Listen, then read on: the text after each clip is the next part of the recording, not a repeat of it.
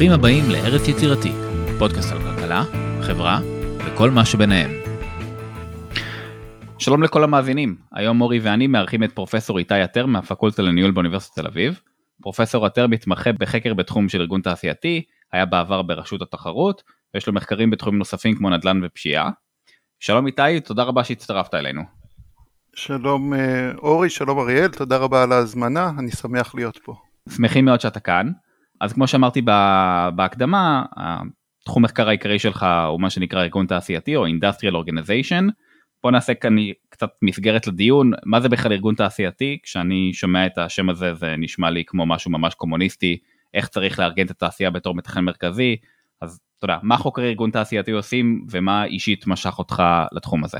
אז א', אני חושב שזה שם נוראי, אני אה, לפעמים אה, משתמש במילה במקום ארגון תעשייתי, במילה יותר אטרקטיבית כלכלת תחרות, שזה אני חושב גם אה, מתקשר לזה שאנחנו כלכלנים וגם נושא המחקר המרכזי שלנו זה תחרות או היעדר תחרות וניסיונות איך שווקים שונים מתנהגים, בתוך השווקים האלה כמובן יש כל מיני שחקנים, אז יש פירמות ויש צרכנים ויש ממשלה ואנחנו מנסים להבין את האינטראקציה בין השחקנים האלה, כאשר חלק מההבנה בדברים האלה זה להבין ששווקים שונים מתנהגים באופן מאוד שונה ולכן יש איזשהו ניסיון לא לעשות איזשהו, לתפוס את הכל אלא להבין את המאפיינים הייחודיים של שווקים שונים ולחקור אותם. בתוך התחום הזה של ארגון תעשייתי או כלכלת תחרות יש כמובן עבודות תיאורטיות אבל בשנים האחרונות או כבר די הרבה שנים החלק של מחקר אמפירי של ממש לעבוד עם נתונים הופך ותופס חלק נכבד יותר בדבר הזה. עוד מאפיין של, אה, של ארגון תעשייתי או כלכלת תחרות זה מושג שנקרא אה, כוח שוק, כלומר אנחנו מבינים שהשווקים הם לא תחרותיים כפי שהיינו רוצים ופירמות אה, לרוב יש להם איזושהי רמה של כוח שוק, איזושהי יכולת לנצל את מבנה השוק לטובתם, לטובת העלאת מחירים והכלכלני תחרות מנסים להבין את התנאים שבהם הדברים האלה קורים באופן טבעי השאלות האלה נוגעות הרבה פעמים גם לשאלות של הגבלים עסקיים ולכן הממשק הזה בין הכלכלנים לבין הכלי הזה גם של רגולציה באופן כללי ובוודאי של אה, אה, הגבלים עסקיים הוא חלק גם כן אינטגרלי מה, מהמחקר בתחומים האלה. נשמע לי עד שאתה מרוצה מזה שזה כבר לא רשות ההגבלים העסקיים אלא רשות התחרות. זה מתאים לך. האמת, לא, אני חושב מבחינת השם, רשות הגבלים עסקיים זה כמו, כמו ארגון תעשייתי, גם הגבלים עסקיים זה שם מאוד לא, לא מוצלח.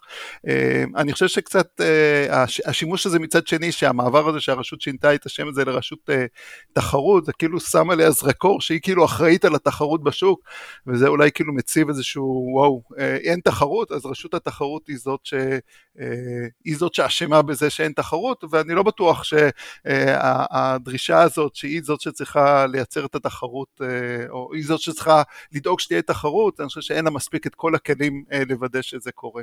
אה, שאלת אותי אגב איך, איך הגעתי לתחום הזה, אז אני בתואר ראשון אה, למדתי משפטים וכלכלה, ואז הייתה תקופה שנושא של מיזוג של חברות הכבלים, כלומר זה נושא שהיה מאוד מאוד בשיח, ואז החלטתי בתור מישהו שלמד גם כלכלה וגם משפטים לעשות את ההתמחות שלי ברשות ההגבלים בזמנו. ומשם ככה נמשכתי לתחום שמחבר את שני התחומים האלה של משפט וכלכלה, אה, ומשם לדוקטורט וכולי. אה, אבל כפי שאמרת, השינוי הזה שרשות התחרות שינתה את השם, אה, מצד אחד שם הרבה יותר קליט ומובן, מצד שני אולי מציב איזשהו סטנדרט של מה היא אמורה לדאוג לו, שהיא לא תמיד יכולה לעמוד בו. כן, אז זה נכון שיש כאן איזשהו סטנדרט בעייתי קצת, אז בוא נדבר באמת על מקרה שבו הרשות ניסתה לדאוג לתחרות בתחום שחושבים שאולי יש פה פחות תחרות בישראל. אז יש לך מאמר משותף עם אורן ריגבי, שבו אתם מדברים על רגולציית שקיפות המחירים בסופרמרקטים בישראל, רגולציה שנכנסה לתוקף ביוני 2015. אז אולי תספר לנו קצת על הרפורמה הזאת, ומה בחנתם במאמר ומה מצאתם בנוגע אליה.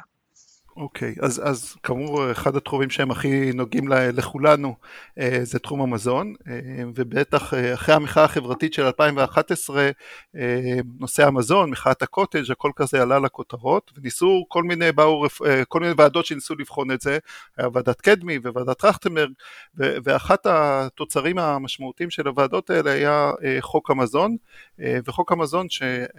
עבר בכנסת ב-2014, אחד הרכיבים המשמעותיים שלו קבע ש...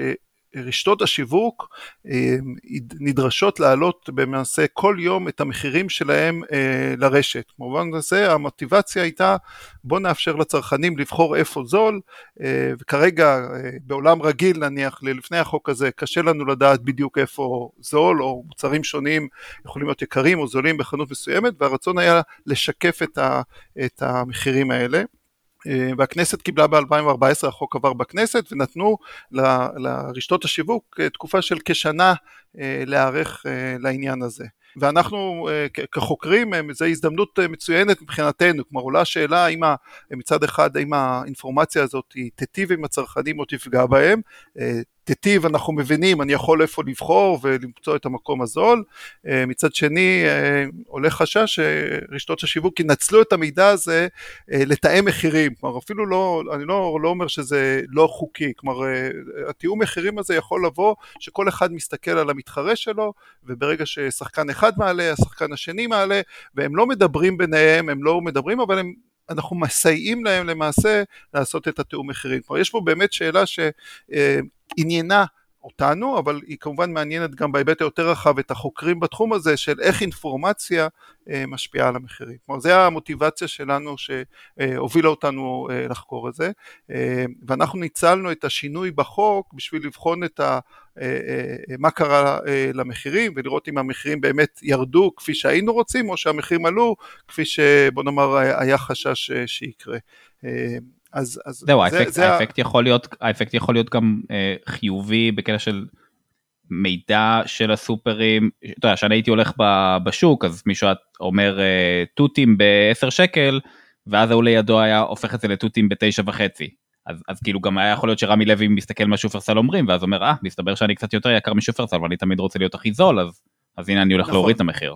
אז מעולה, כן, כלומר לגמרי, כלומר זה אפילו התוצר החיובי שזה לא רק שאני בוחר איפה זול, אלא שפתאום אה, רמי לוי מבין שאם הוא יוריד את המחיר יותר ממה שהוא כרגע, אז הצרכנים יבואו אליו יותר, כלומר זה מייצר, מייצר איזושהי סביבה תחרותית אה, מוצלחת יותר, אפקטיבית יותר, ולכן המחירים אה, אפילו ירדו, נכון, לגמרי. עכשיו, המחקר שכזה, כלומר אם אנחנו רוצים לבחון את זה, אז יש כמה אתגרים אמיתיים בלבחון את מה קרה למחירים. ראשית, אנחנו רוצים שיהיה לנו מחירים לפני החוק ואחרי החוק, כמו בשביל לראות את השינוי אה, ברמת המחירים, אה, בעוד שמחירים אחרי שהחוק נכנס לתוקף והשקיפות אה, נכנסה, אז קל להשיג אותם יחסית, כי אתה משתמש באותם מנועי חיפוש שמאפשרים ש, שהרשתות מעלות, היינו צריכים גם להתמודד עם הבעיה שהמחירים לפני הם לא שקופים. לשם כך אה, שכרנו חברה שהסתובבה בעשרות חנויות אה, ברחבי הארץ ואספה עבורנו אה, מחירים של עשרות מוצרים, אז ככה באיזשהו מקום יש לנו פול גדול של מחירים שאנחנו עוקבים אחריהם לפני החוק ואחרי החוק יכולנו כבר להיעזר בחלק מהמנועי השוואות מחירים שהפכו להיות זמינים בשוק. כלומר זה אתגר אחד שהיינו צריכים להתמודד והתמודדנו איתו.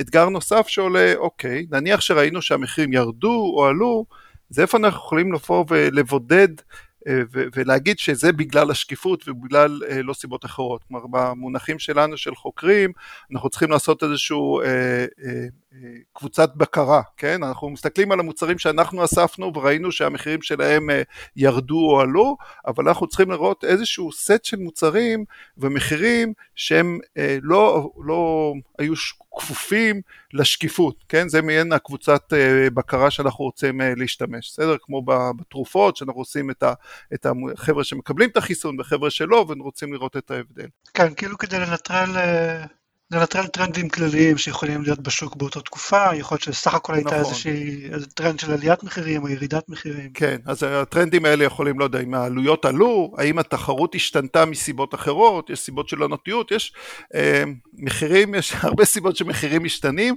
והשינוי של השקיפות הוא בטח... אה, לא השינוי היחיד שיכול אה, להתקיים אה, בשוק, כן? אז, אז אה, לדוגמה, אה, קבוצות אה, ביקורת שהשתמשנו בהם, אז באותה תקופה ה drug stores, כלומר בתי המרקחת, סופר פארם וכאלה, לא היו כפופים לחוק. כן? וגם המכולות קטנות, אה, גם אז וגם היום, לא היו כפופות לש... לחוק. אז למעשה אם היה לנו מחירים, וזה מה שהיה לנו, מחירים אה, באותן קבוצות ביקורת שהן לא כפופות לשוק, זה מאפשר לנו להשוות מה קרה למחירים במוצרים שאנחנו אספנו, ולהשוות אותם למחירים באותן אה, חנויות שלא היו כפופות לחוק, כן? אז זה חלק מקבוצות הביקורת שהשתמשנו. כלומר, זה היה, עכשיו, מה שאני אהבתי, או שאני אוהב, חלק מהמחקר הזה, שאנחנו כבר, שהחוק עבר בכנסת, למעשה אה, הייתה לנו את המחשבה איך אנחנו עושים את הדיזיין, איך אתה אה, מתחיל לחשוב על, ה, על השינוי הזה שהולך להתחולל בעוד חצי שנה או שנה, ואתה נערך לו גם מבחינת האיסוף הנתונים, וגם מבחינת ה, היכולת שלך לבנות אה, קבוצות אה, בקרה אפקטיביות אה, לטובת הדבר הזה. כלומר, זה, זה, חלק מהדבר הזה, כי, כי לרוב, אני מסתכל על מחקרים אחרים שלי ובכלל, אתה כן משתמש במאגרי נתונים קיימים שאנשים אוספים או חברות אוספות ואתה לא מבצע את האיסוף הזה בעצמך, אז כלומר ברגע שאתה משתמש במאגרים קיימים אתה כבר ככה מסתכל איזשהו רטרואקטיבית ומשתמש בנתונים האלה ובוחן אם זה עבד או לא עבד ופה ככה עשינו מעין מהלך, אה, הייתי אומר בדיעבד אה, מוצלח, אבל גם מסוכן, כי אתה משקיע פה המון המון מאמץ באיזשהו משהו שלא ברור אם הוא, אה, אם הוא ילך, ואתה גם צריך בשלב הראשון לבוא ולחשוב האם זה, מה, מה, מה, מה אתה צריך לעשות בשביל שזה יעבוד, כלומר לכתוב, לחשוב על הקבוצות בקרה, או לחשוב על האיסוף של המחירים עוד לפני שהחוק נכנס לתוקף. אני חושב שבכמה ארגונים, אולי גם ברשות התחרות, כבר מתחילים לעשות שינויי מדיניות מראש, כך שיהיה אפשר לבחון אותם בצורה כזאת, כן, עם קבוצות ביקורת, או עם פריסה גיאוגרפית הדרגתית, או כל מיני דברים כאלה. נכון, כלומר יש, אני חושב ש... מתגברת ההבנה שאנחנו בממשלה ובכלל שאנחנו עושים המון המון צעדי מדיניות אנחנו אה, דוחפים אותם וברור שהמוטיבציה היא חיובית אבל כדי לבחון האם זה באמת עבד אתה צריך איכשהו באופן שאתה אה, אה, נערך לזה כבר מראש לבוא ולאפשר את הבחינה או היכולת לבודד את, ה, את האפקט בצורה יותר מדויקת. אני חושב שזה שינוי מבורך סך הכל. כן אני גם מעורב בכמה בחלק מהמקרים האלה ובשביל לראות איך אתה עושה את הדיזיין הנכון בשביל לבחון את האפקטיביות של צעדים ממשלתיים. לפני ש... אז, אז כש... אתה יודע, כש, כשהתחלתם לבנות את, ה, את התשתית המחקרית, כמו שאמרת, מבחינה תיאורטית זה יכול, הכיוון יכול להיות לכאן, הכיוון יכול להיות לכאן, מה אתה ציפית למצוא ומה, ומה מצאתם בפועל? כן, זה מעניין. כלומר, א', ברור שהמוטיבציה ש, שלך כחוקר, כלומר, שחוקר נטו אתה רוצה למצוא משהו, כן? אתה רוצה אתה שיהיה פרי לעמלך ותראה איזשהו אפקט שיהיה מעניין, אבל כמובן כ, כצרכן וכאזרח אתה רוצה שה, שהמחירים אה, אה, ירדו. אה, אני, לפני שאני אגע במה מצאנו, כלומר היה דיון אה, בכנסת באותה זמנה, כלומר זה לא רק איזשהו דיון תיאורטי של מה זה יעבוד, ואתה רואה את הדיון בכנסת, אז מצד אחד רשות התחרות שדחפה אה, לטובת העברת החוק הזה, רשות ההגבלים העסקיים בזמנו, אה, היא דחפה לטוב, שהחוק יעבור כי היא האמינה שהשקיפות באמת אה, תוריד את המחירים. מצד השני היו טענות שכן זה יאפשר לעשות את התיאום מחירים, רשות התחרות ענתה בהקשר הזה שהרשתות כבר אז שלחו את הסיירות שלהם לשכנים שלהם ולעשות את ההשוואות מחירים ולכן הרשתות כבר, כבר עשו מעין תיאום כזה באיזושהי רמה ולכן התוספת מידע היא בעצם תבוא ותעזור לצרכנים אה, לעשות את ההשוואת מחיר. זו הייתה הטענה של רשות התחרות ולכן היא אמרה שהחשש מתיאום הוא כנראה לא מוצדק. אה, מצד שני, אה, מה שהיה מעניין שאתה קורא חלק מה, אה, מההתייחסויות בעיתונות או בכנסת, מי שיצא כנגד השקיפות בין היתר זה היו רשתות השיווק, כן? אז אם אתה, יש לנו ציטוטים של, של מנכ"ל ויקטורי ומנכ"ל סופרסל שהם אומרים לא, השקיפות לא טובה כי זה יאפשר קרטל או משהו כזה, כמו באיזשהו מקום רשתות השיווק ככה חוששות מהאפשרות שהם יוכלו לתאם מחירים ולכן הם... יפה מצידם, כן. כן, זה היה משעשע במובן הזה, אבל, אבל אולי, אגב, זה... רואים אחר כך בתוצאות שלנו למה הם חששו באיזושהי רמה, כמו רשות, רשתות השיווק אה, אה, הביעו איזשהו חשש או התנגדו לחוק, אולי הם אה, עשו את זה באיזושהי אצטלה של הגנה על הצרכן, אבל מבחינת התוצאות שלנו שאנחנו מסתכלים על מה קרה למחירים בשנה העוקבת, כמו בשנה אחרי שהשקיפות נכנסה לתוקף, כלומר השקיפות נכנסה לתוקף במאי 2015 ואנחנו עוקבים בשנה העוקבת מה קרה למחירים ביחס למחירים בשנה שלפני השקיפות ואנחנו רואים שהמחירים ירדו, המחירים אצלנו ירדו בניתוחים שלנו בסדר גודל של 4% אז מצד אחד מחירים בישראל עדיין יקרים והיו יקרים לפני ויקרים אחרי, מצד שני 4% ברמות המחירים אה, אה, זה משמעותי, כלומר אם אנחנו מתרגמים את זה לכסף וכמה זה חוסך לצרכן זה ירידה אה, משמעותית. ובטח לרשתות השיווק מבחינתם כמעין אובדן הכנסות זה גם כן סכום משמעותי. ואנחנו גם יורדים שרואים שחלק יותר ניכר מהירידה זה ברשתות שהן יהיו מעט יותר יקרות. אם זה מגה בעיר וסופרסל שלי אצלם הירידה אפילו אה, מעט יותר אה, גדולה. אז, אז זה מבחינת הממצאים שלנו של וואו איזה מגניב, החוק הזה, השקיפות הזאת אה, עבדה וה, והמחירים ירדו. הממצא הזה מעבר לזה שהוא משמח אותנו כצרכנים והוא טוב גם לנו כחוקרים שיש לנו איזשהו ממצא אמיתי לבוא ולהגיד, הוא גם קצת שונה. לא הזכרתי את זה קודם, היו עוד מקרים בעולם שהכניסו שקיפות אה, מחירים, לא בתחום המזון כל כך, יותר בתחום של דלק, ולרוב הממצאים הם כאלה שדווקא המחירים אה, מעט עולים בעקבות כניסה של שקיפות, אז כאילו גם הממצא שלנו ככה עומד קצת שונה מרוב הממצאים שמדברים על, על שקיפות.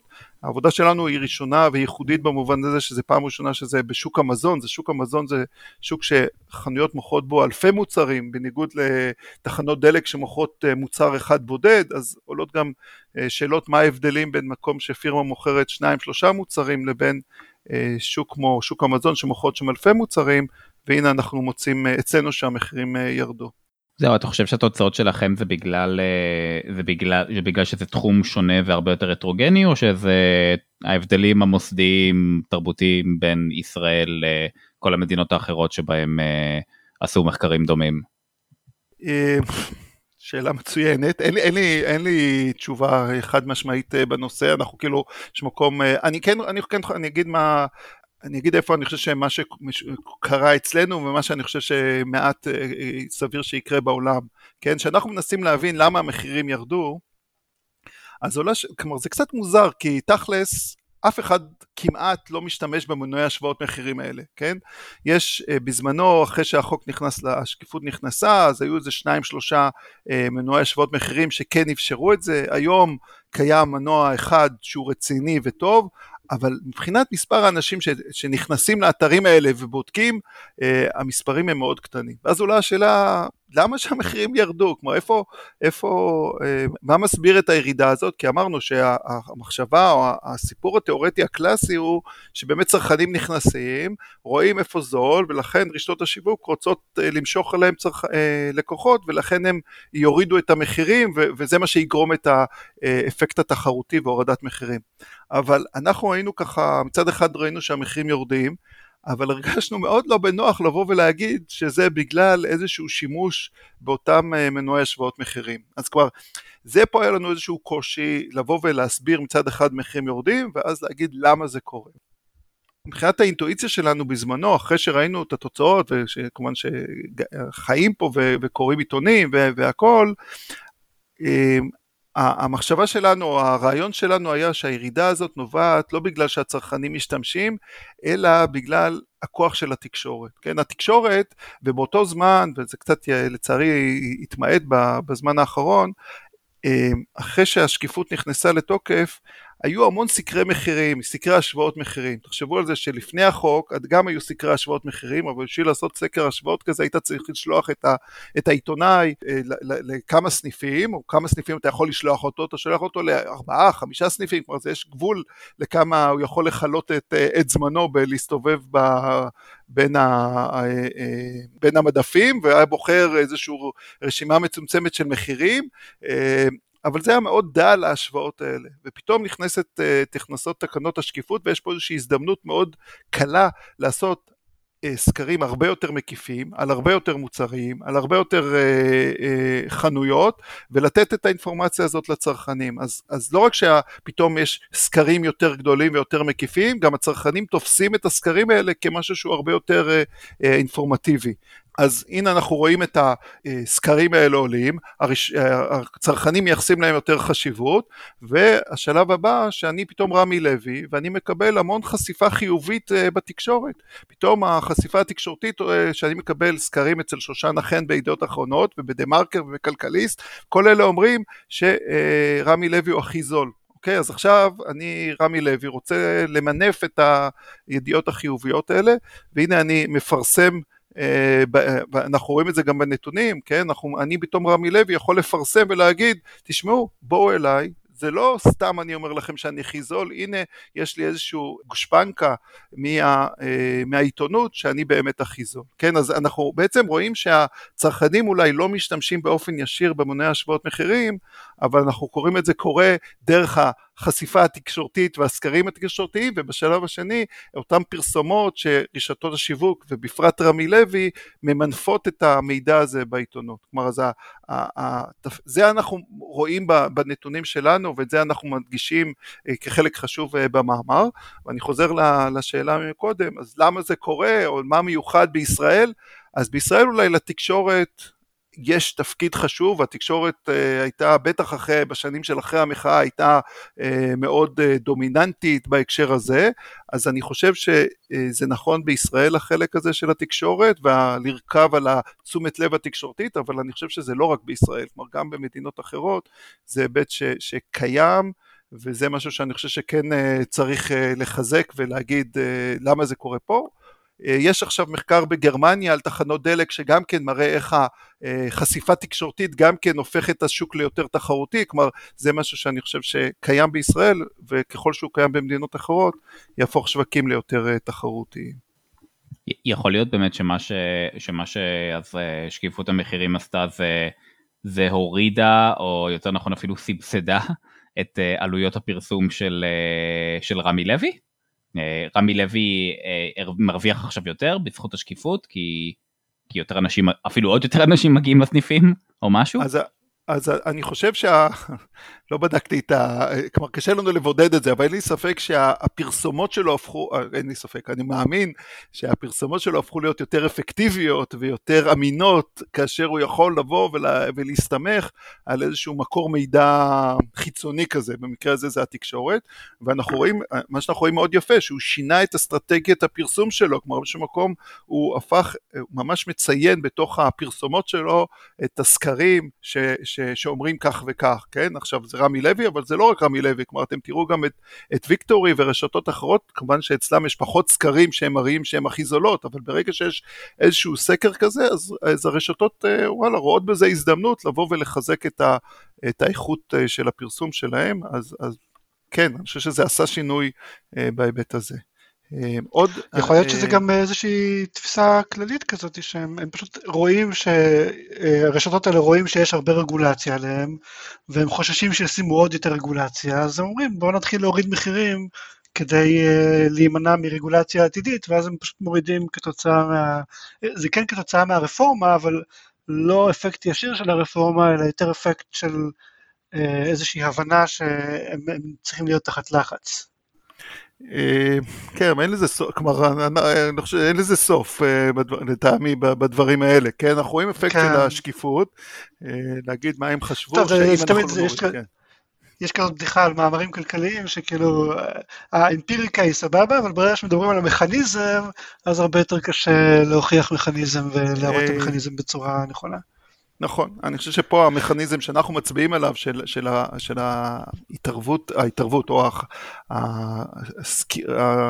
התקשורת שהפכה להיות יותר דומיננטית ואחר כך הפרסומות, אנחנו מבססים את זה גם עם נתונים, אבל זה באמת מכניזם אה, אה, לא זה שציפינו, אנחנו בהתחלה חשבנו שהצרכנים יסתערו על המנועי ההשוואות האלה ולא ראינו את זה, זה משהו שככה מבחינתנו מאוד מאוד, אה, אני אוהב את החלק הזה במאמר, אבל זה משהו שלקח לנו זמן שהאסימון ייפול, שזה המכניזם, וברגע שעשינו כן. את זה אני חושב שזה ככה התחבר לנו טוב אבל זה לקח זמן לראות את, ה, את הקישור הזה. זה, זה באופן כללי אבל מאפיין כזה של מחירים ש, שהייתי שהייתי סטודנט אה, עם הכנסה שוטפת נמוכה אז הייתי משתמש כזה בפרייסס וממש כזה מעלה קבלות ואת כל העניינים האלה וזה. אבל עכשיו אז א' הרגישות שלי למחירים היא, היא, היא יותר נמוכה. אבל גם um, אני אומר לעצמי השוק, the market provides כאילו כשאני נכנס לסופר שהוא מלא בהמוני אנשים אה, מקומיים, כן? זה לא איזה מלכודת תיירים, אז, אז חזקה שבגדול המחירים יהיו כנראה בסדר. אני לא, ואני לא אתקטן עכשיו על כל מיני שקלים, אז באמת לא צריך שכולם ישתמשו במנוע, צריך שמספיק אנשים ישתמשו במנוע כדי לסגור את הסניף היקרן ושיפתח סניף של אה, רמי לוי אה, בשביל ש, שזה באמת ישפיע על המחירים. נכון. אני, אתה לא צריך שכולם ישתמשו בה באיזשהו מקום, זה היופי של שוק. נכון, נכון, נכון, וגם המודלים של החיפוש הרגילים הם, הם כאלה שלא מחייבים שכולם, מספיק שיש לך את האלה שהם כן יותר אקטיביים ואתה יכול ללמוד מהם והם מייצרים את זה, נכון, אבל אני חושב שפה פשוט ההסבר הזה של פרסום גם כן ככלי אה, זה עובד.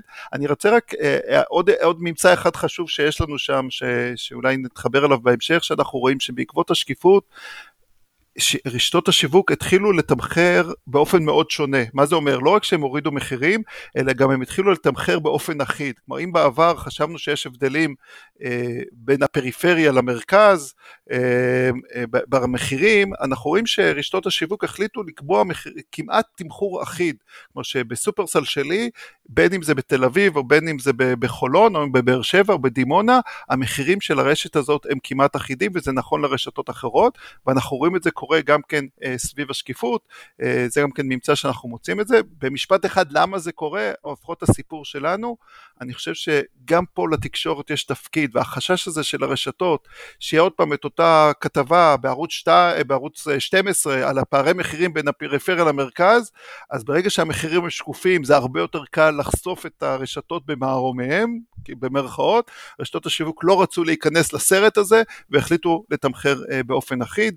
ראינו את הדוגמה של הרשתות החרדיות אה, של סופרסל, הרשת האונליין הרגילה והרשת שפנתה למגזר החרדי, ששם היה סיסו ושמחו שגילו שיש פערי מחירים, רשתות השיווק זהו, החליטו אנחנו עושים את זה אחיד ונמנעים מזה. אז זה גם כן ממצא שאנחנו רואים בנתונים מאוד יפה. כן, אגב חשוב לי להבהיר שרמי לוי לא נתן חסות לפרק הזה, כל האזכורים שלו הם מקריים בהחלט. אבל נשמח בגדול. כן, אם הוא רוצה אז אנחנו... אנקדוטה על רמי לוי, היה במשפט אחד, אני לא רוצה לגנוב את זה, אבל היה, אה, פעם אחת פרסמו בעיתון איזושהי התייחסות שלי לרמת המחירים ברמי לוי, ושאולי בעקבות הקורונה הרווחים שלו קצת נשחקו, כי אנשים קראו, קנו קרוב לבית ולא קנו ברמי לוי, אז היה איזושהי ידיעה בעיתון על הדבר הזה. באותו ערב, אני באמצע שעת קבלה לסטודנטים, uh, הטלפון שלי מתקשר, טלפון לא מזוהה, אני לא עונה, זה אמצע שעת קבלה, מתקשר עוד פעם, אני לא עונה, בפעם השלישית שאני רואה מספר, אני uh, עונה לטלפון, ועל הטלפון אדון רמי לוי, לא דיברתי איתו מעולם, אבל הוא התקשר לנזוף בי על מה שהיה כתוב בעיתון, שאני uh, uh, בעצם שהרווחים שלו, או שהמחירים שלו uh, ירדו או לא ירדו, לא בגללו, אלא בגלל הספקים, אז זהו, אז זו האינטראקציה היחידה שהייתה עם רמי לוי, אבל זה היה משעשע. משעשע בתור אחד שחוקר הרבה על רמי לוי. מעניין, יש בזה משהו שמתאים לה, אני חושב. אה, רציתי לשאול אותך באופן, אה, באופן יותר כללי על, ה, על הוועדות שבאמת קמו אחרי המחאה החברתית, גם אה, ועדת טרכטנברג וגם הוועדה בנוגע למזון שהזכרת, ואני זוכר את התקופה הזאת, והיה כל כך הרבה דיבורים וכל כך הרבה רפורמות שניסו להתניע, ועכשיו אנחנו מסתכלים על זה עשר שנים לאחר מכן, התחושה שהמחירים עדיין יקרים, גם הנתונים עדיין מעידים שהמחירים בישראל יקרים יחסית למדינות אחרות. יש איזושהי תחושה שכל הוועדות האלה בעצם נכשלו. אה, אז רציתי לשמוע מה דעתך בנוגע לזה.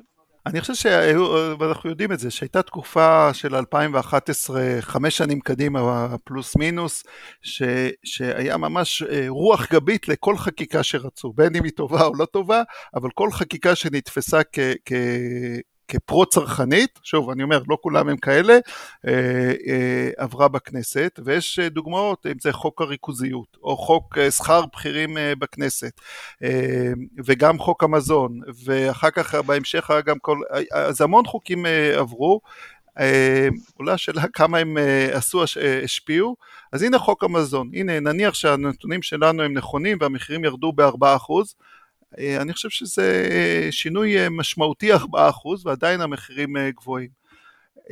כשאני מסתכל על תחומים אחרים, נגיד הטקסטיל וכאלה, זה תחומים שבהם המחירים ירדו משמעותית, כשפתחו את השוק לתחרות וליבוא חופשי, ויכול להיות שכאילו כל הרפורמות שעשו וכל הניסיונות האלה להנדס עם כל מיני טריקים, זה לא באמת משהו שמשפיע בטווח הארוך.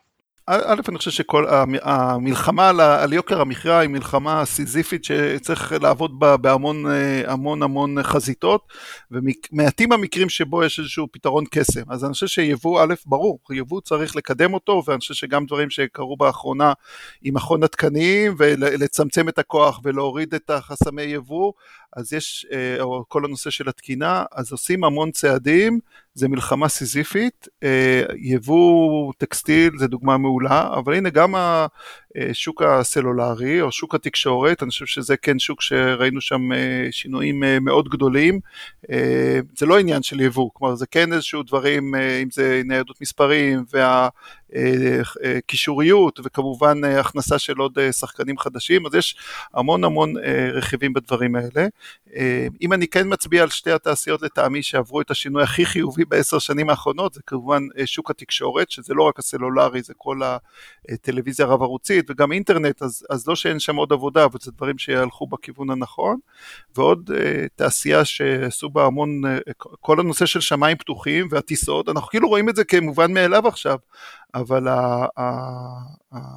זה גם כמו פתיחה ליבוא חופשי, כל מה שהיה... נכון, נכון, אני, אני מסכים, כלומר, שמיים פתוחים זה סוג של יבוא, אני, אחד, אני, אני בעד זה בכל צורה, אבל זה כן, אני חושב שאנחנו מתייחסים לדברים האלה עכשיו בתור משהו שהוא מובן מאליו ואין הישגים, אז במובן הזה היו שם, יש גם הישגים, אבל נכון שיש אה, המון תחומים שיקרים אה, מאוד, אה, אם זה מזון שזה אחד, כמו מבחינת ההוצאה של משקי בית זה גם הוצאה משמעותית, וגם נדל"ן, שנדל"ן מה לעשות יבוא לא יעבוד פה, לפחות לא בוורסיה הפשוטה שלו, והמחירים שם הם מאוד מאוד גבוהים בכל השוואה שלא נעשה.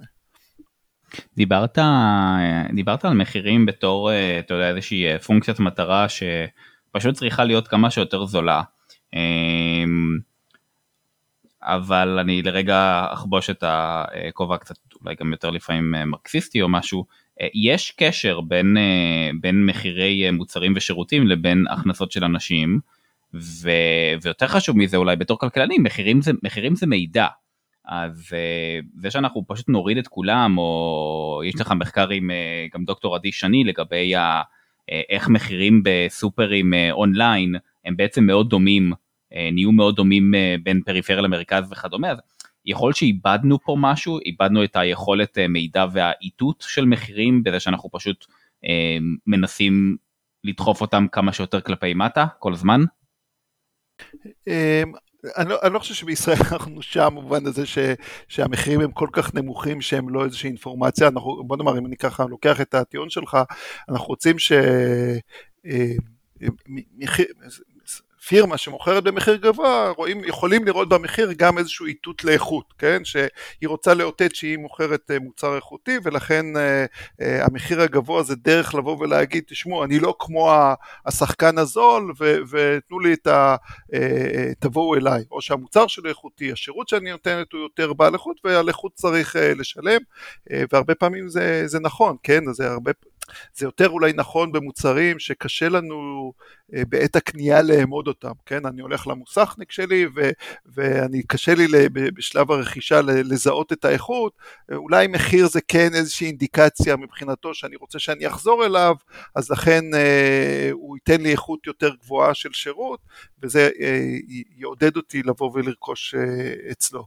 אז אני רק רוצה להתחבר למחקר שלי עם עדי, אה, אז, אז זה כן גם כן אנחנו מנסים להבין, אה, אם, אה, אני חוזר לממצא שלנו מקודם במאמר שלי על השקיפות, שאנחנו רואים שהמחירים הם אחידים בכל הארץ, כן, אז למשל סופרסל אונליין, או רמי לוי אונליין, או ויקטורי, או יינות ביתן, הם גובים את אותו מחיר על, על השירותי האונליין שלהם. כלומר, פה לא מדובר על לבוא לחנות, זה על השליח שהגיע אליי הביתה והמחירים שם אה, יהיו, אה, אה, המחירים הם זהים בין אם אני קונה בסופרסל בתל אביב או בקריית שמונה או בהרצליה או בכל עיר אחרת. עכשיו, למה זה קצת מוזר או לנו ככלכלנים זה, זה בעייתי?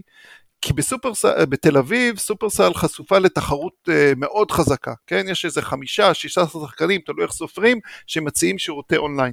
בעוד שבפריפריה או באזורים יותר מורחקים, סופרסל היא לפעמים מונופול. היא השחקן היחידי שמביאה את השירותי אונליין הביתה. והסיפורים הקלאסיים שלנו כלכלנים, בוא, תגבה מחיר גבוה אה, כשאתה מונופול, ומחיר זול כשאתה בתחרות. אבל סופרסל לא עושה את זה, המחירים הם, הם זהים אה, עבור סופרסל, כן, אה, אה, באונליין, אה, ואז איך היא מתחרה? כמו איפה התחרות פה? כמו אם אני בתור כלכלן תחרות מנסה להבין, אז המחיר זה כאילו הכלי הכי טבעי והכי אינטואיטיבי להתחרות עם הפירמות, ו- וכאשר אין לי תחרות אני מעלה אותם וזה לא קורה. אז מה שאנחנו מראים, אנחנו מנסים לבוא ולהגיד, אוקיי, איך הם בכל זאת מתחרים? המימד שבו הם כן מתחרים זה על, על זמן השירות. מה זאת אומרת זמן השירות? תוך כמה זמן השליח מגיע אליי הביתה. במובן הזה אנחנו רואים שתושבי תל אביב או, או גוש דן מקבלים את השירות הרבה יותר מהר ממה שתושבי הפריפריה מקבלים. כן? אני מסתכל על סופרסל ואנחנו רואים פה הבדלים מאוד גדולים אה, בזמני השירות, אה, וזה אה, מאוד מאוד בולט אה, בהקשר הזה. עכשיו, נכון שבתל אביב יגידו, תשמע, תל אביב הזמן שירות הוא קצר של סופרסל כי אותו רכב מגיע להרבה יותר אה, תושבים ולכן הם מצליחים לבוא ולקצר את זמן השירות. כלומר זה לא בגלל התחרות זה בגלל הצפיפות של האוכלוסייה באזור תל אביב. מה שאנחנו מראים מאוד אה, יפה במחקר ש, שגם אם אני מסתכל על סופרסל בפריפריה ופתאום נכנס מתחרה חדש אז באותו יישוב שבו לא השתנתה צפיפות האוכלוסייה ברגע שנכנס מתחרה חדש הנה סופרסל בא ומשפרת את זמן השירות. השירות, כן? אז אנחנו באיזשהו מקום רואים איך המחיר לא משחק תפקיד, כי סופרסל אה, כאילו החליטה שהיא לא משנה את המחיר באזורים שונים, אבל פתאום זמן השירות, שזה רכיב מאוד משמעותי של איכות השירות וההחלטה של צרכנים, הופך להיות פרמטר מרכזי באותו שוק של אה, מזון מקוון. כן, זה מעניין, לפעמים באמת שוכחים שחברות יכולות להתחרות גם על האיכות ולא רק על המחיר, בייחוד בתחום כמו מזון או משהו בסיסי. אה, הייתי רוצה לעבור אה, לתחום של נדל"ן, שגם הזכרת מקודם, אה, אז אנחנו יודעים שבארץ לתחום הזה יש הד מאוד מאוד חזק, וחלק גדול מהדיון בנושא המחירים עוסק בנדל"ן, גם המחאה החברתית התחילה למעשה בגלל מחירי השכירות. עכשיו לך יש מאמר יחד עם יעל אלסטאר וערן הופמן, שבו בחנתם את ההשפעה של מיסוי רווח הון על הנושא הזה, וזה מחקר שמתייחס נושא שחוזר על עצמו בדיון בנוגע לנדל"ן, של האם אנחנו רוצים לדחוק אה, משקיעים מהשוק, או לעודד משקיעים למכור, אז אולי תספר לנו קצת על המחקר ועל אה, מה מצאתם במחקר הזה.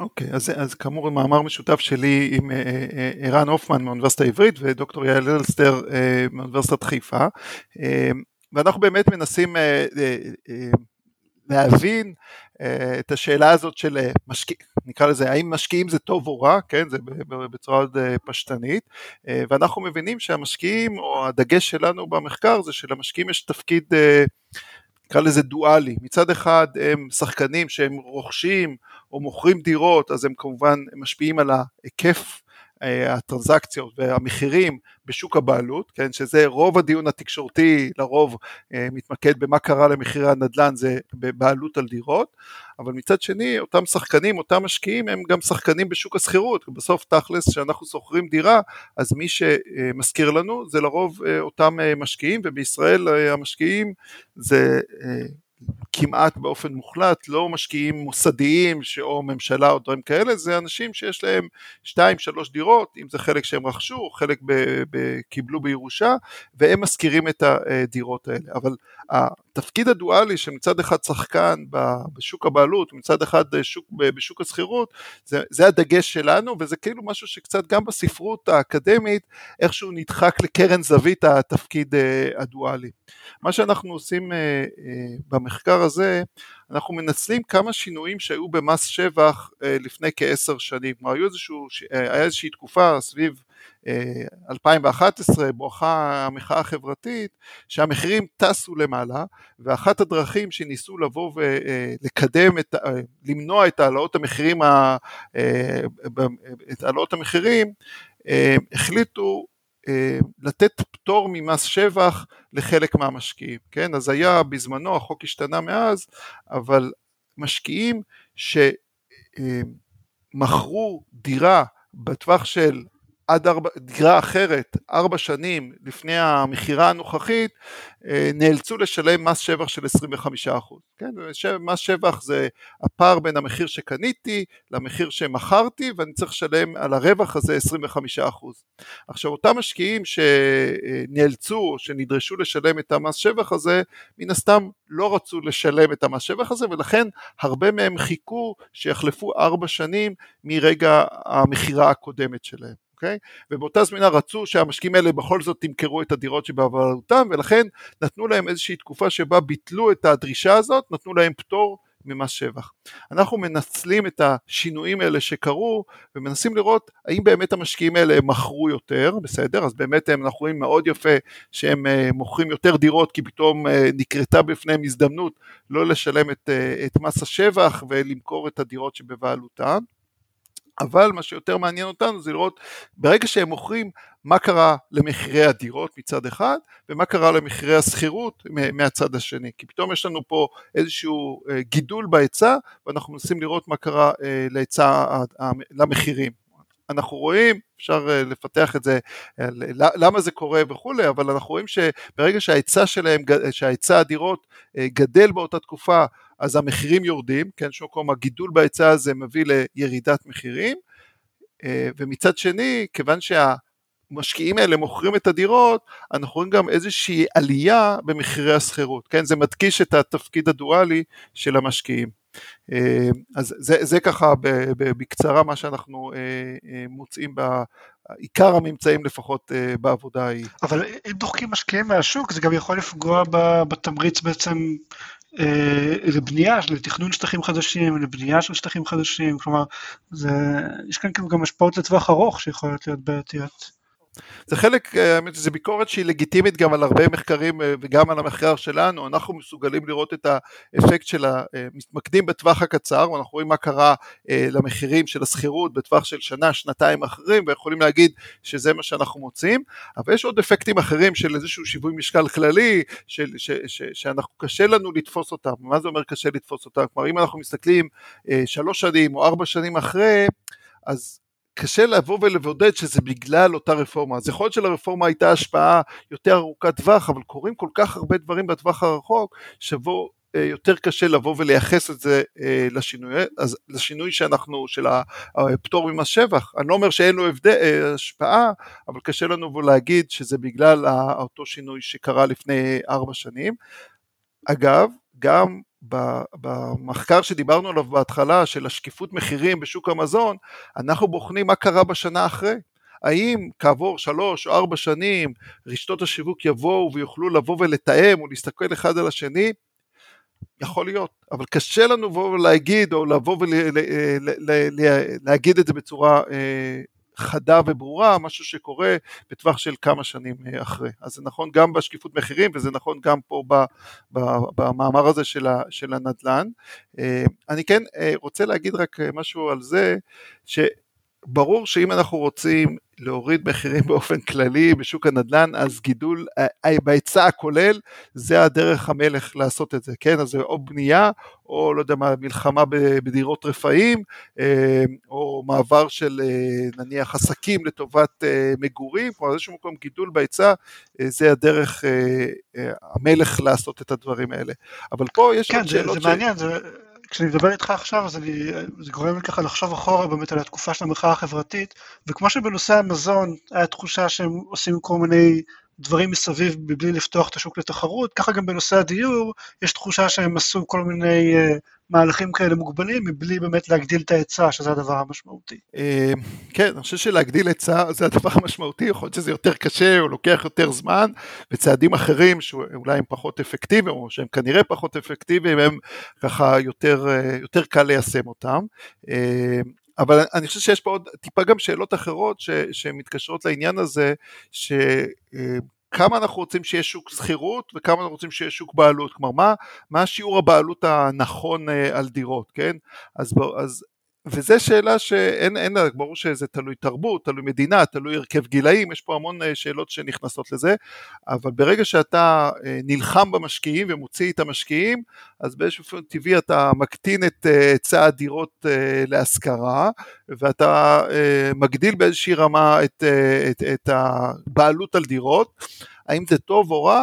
לא ברור, מצד אחד שכירות זה גם מאפשר לנו איזושהי גמישות במקומות עבודה, זה מאפשר, אה, יש אה, בטח זוגות צעירים או, או חבר'ה צעירים שלא רוצים לקנות דירה, אז שוק שכירות אמיתי ופועל זה משהו שאנחנו רוצים לעשות אותו.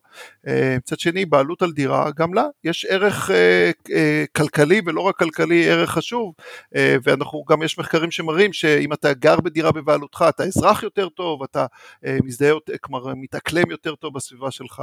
אז יש לנו פה איזשהו מתח בדברים האלה, ומה המספר הנכון זה, זה, שאלה, אבל אין ספק שהשינויי מיסוי על משקיעים כן אה, מזיזים את הדבר הזה, אבל הפתרון הנכון בדברים האלה להורדת מחיר זה כמובן אה, הגדלה של ההיצע הכולל. זהו, אני, אני מכיר באמת ש, שבארץ שיעור הבעלות על דיור הוא, הוא יחסית גבוה למדינות מפותחות, אה, כלומר שוק השכירות פה הוא יחסית קטן, אבל אז אה, הרבה מצביעים לדעתי לדעתי בצדק ש, שבהרבה מדינות מפותחות מאוד נפוץ אה, בניינים קומפלקסים שלמים אפילו שהם בבעלות איזושהי חברה כן אה, שזה מה שהיא עושה. מה שהיא עושה זה היא בונה ומנהלת בניינים ואז אתה משלם לה צ'ק חודשי וזה הביזנס שלה שבארץ אני, אני חושב שזה כמעט ולא קיים, כלומר אין, אין, אין פה שכירות מוסדית כזאת, לא משנה כרגע אפילו אם היא פרטית או ציבורית. יש לך, יש לך איזה שהן מחשבות באמת למה זה, זה נובע מאיזשהו אה, משטר מס, אני שמעתי שהם מאשימים בזה את הפטור אה, משכירות אה, על דירה ראשונה, כל מיני דברים כאלה, זה תמיד היה נשמע לי כמו הסברים קצת קטנים מדי לתופעה קצת גדולה מדי. אם להשכיר דיור לאנשים זה משהו כל כך לוקרטיבי, ממש הייתי מצפה שפירמות גדולות עם הרבה מאוד הון אה, יעשו את זה, וזה לא קורה בארץ. כן, האמת היא שאין לי איזה תובנה עמוקה לגבי זה, אנחנו יודעים שזה כן uh, קצת גדל בארץ, בצד, uh, בעצלתיים אולי, אבל כן יש איזושהי הבנה ששכירות מוסדית זה כן uh, פתרון אה, מוצלח, בטח למשקי בית מסוימים שרוצים גם איזושהי ודאות שיש לך איזה חמש או עשר שנים שאתה יודע שאתה יכול לגור בשכירות, אני חושב שזה בהחלט אה, משהו שנכון לקדם אותו אה, ולא להסתמך על, רק על משקי הבית הרגילים, שהמשקיעים הרגילים כפי שאנחנו מכירים אותם. נכון, גם שיקולי מיסוי בטח משחקים פה תפקיד, או היעדר מס על השכרת דירה, או הבדלי מיסוי בין שוק ההון לבין שוק, שוק הנדל"ן, זה דברים שמשחקים, אבל אני חושב שזה רק כאילו, זה הדברים האלה של המיסוי יותר אה, מצביעים מדוע משקי בית רואים בזה איזשהו אפיק אה, מוצלח. אה, הצד השני של, הרפואה, של, המשווה, של המטבע, או למה חברות גדולות לא נכנסות לתחום הזה, אני חושב שזו שאלה טובה. כלומר שיש תמריצים ממשלתיים לעשות את זה, נראה אם זה יעבוד. כן, אני במקרה עובד בחברה כזאת שקונה בתים להשכרה בארצות הברית בחברת פגאיה, ואני יודע שיש שם את הנושא של קרנות ריט, ויש להם הנחה נורא נורא משמעותית במיסוי שהוא כמו מס שבח בישראל. אז אה, יכול להיות שיש כאן גם מיסוי במדינות אחרות שמעודד חברות להיכנס לתחום. אז אה, יכול להיות שזה חלק מההסבר. אה, אני זוכר ששמעתי בישיבות שונות שהתשואה מהשכרת דירות בישראל היא נמוכה יחסית, ולכן חברות פשוט לא רואות בזה אפיק השקעה סביר. טוב, התשואה היא גם השכירות וגם המחיר שאתה יכול למכור את הדירה אחר כך, אני חושב שבאיזשהו מקום צריך לעשות את החישוב הזה, אני רוצה לחשוב שהם, שהם, שהם עושים את החישוב הזה בשלב שהם יבינו שזה כן כדאי, כן, כי זה כן פתרון מבחינת השוק, שכירות ארוכת טווח. אוקיי, אז אם אתה יודע, אם היית עכשיו יכול להחליט מה הרפורמה החשובה ביותר שהיית מבצע בתחום הדיור, מה... מה היא הייתה ואתה יודע בוא נדבר גם שנייה קצת על trade off כאילו היא, היא תעזור אני, אנחנו מקווים להוריד את מחירי הדיור גם מכירה וגם שכירות אבל איזה אולי באמת השפעות אה, לא יודע, רעות אה, יכולות להיות לכזה דבר. אפשר לקחת את זה לכיוון אחר. אה, אני אקח את זה לכיוון אחר אה, אה, אני חושב שאחת הבעיות שלנו בתחום הדיור, אה, אבל אני אקח כמובן מכיוון אחר, זה הנושא של תחבורה, אה, ואיך אנחנו מפזר, אה, מסוגלים לפזר את, ה, את העניין הזה גם מחוץ לתל אביב, אז הפתרונות זה אם זה תעסוקה ואם זה נושא של, של, של תחבורה, ואני חושב שזה כן פתרונות שעובדים עליהם, כלומר אם זה המטרו ואם זה אגרות גודש, כלומר זה מקומות שכן הייתי חושב שיכולים לבוא וככה להרחיק את ה... את ה, את ה לאפשר למחירים אה, להיות יותר נורמליים, כי ככל שאנחנו מתרחקים בתל אביב אנחנו רואים שהמחירים הם אה, יותר, אה, פחות הזויים אה, או פחות גבוהים, אז אני כן חושב שזה כן דברים שהייתי אה, מנסה לעשות אותם. אה, בתוך תחום הנדל"ן, לבנות, לבנות, לנסות לבנות, לבנות לגובה, אבל אני אומר, באמת זה, זה, זה, זה, זה, זה, יש פה המון חסמים, כל ההתחדשות עירונית, כלומר יש, יש דברים שעושים, המספרים שאני קורא לפחות בעיתון, רואים שהמספרים גדלים, וזה כמובן חיובי. באופן אבסורדי אנחנו רואים שהעלאת הריבית גם כן תורמת לזה שהמחירים כבר uh, uh, רצים פחות uh, לשמיים, אבל כמובן שזה מתבטא ב... בתשלומי משכנתה יותר גבוהים, כן, זה ברור שזה צריך לקחת את זה גם כן בחשבון. לקחת את זה לכיוון קצת אחר, אז אני גם אקח את זה שנייה לכיוון קצת כן. אחר, כי זה היה נשמע כאילו אתה מאוד בעד אה, פיזור האוכלוסייה, אז אני רוצה שנייה, אה, שנייה לדבר על זה. אה, ב-2006 מאיר שטרית, שר הפנים, ממשלת קדימה, עוצר את, ה... עוצר את התכנון ואישורי הבנייה במרכז, באופן פומבי אומר, אני רוצה להעלות את המחירים במרכז כדי ש... אנשים ילכו יותר לגור בפריפריה. זה משהו שאתה, שאתה היית תומך בו או שאני לא, קצת, לא, לא, יודע, לא, קצת לא. מגזים?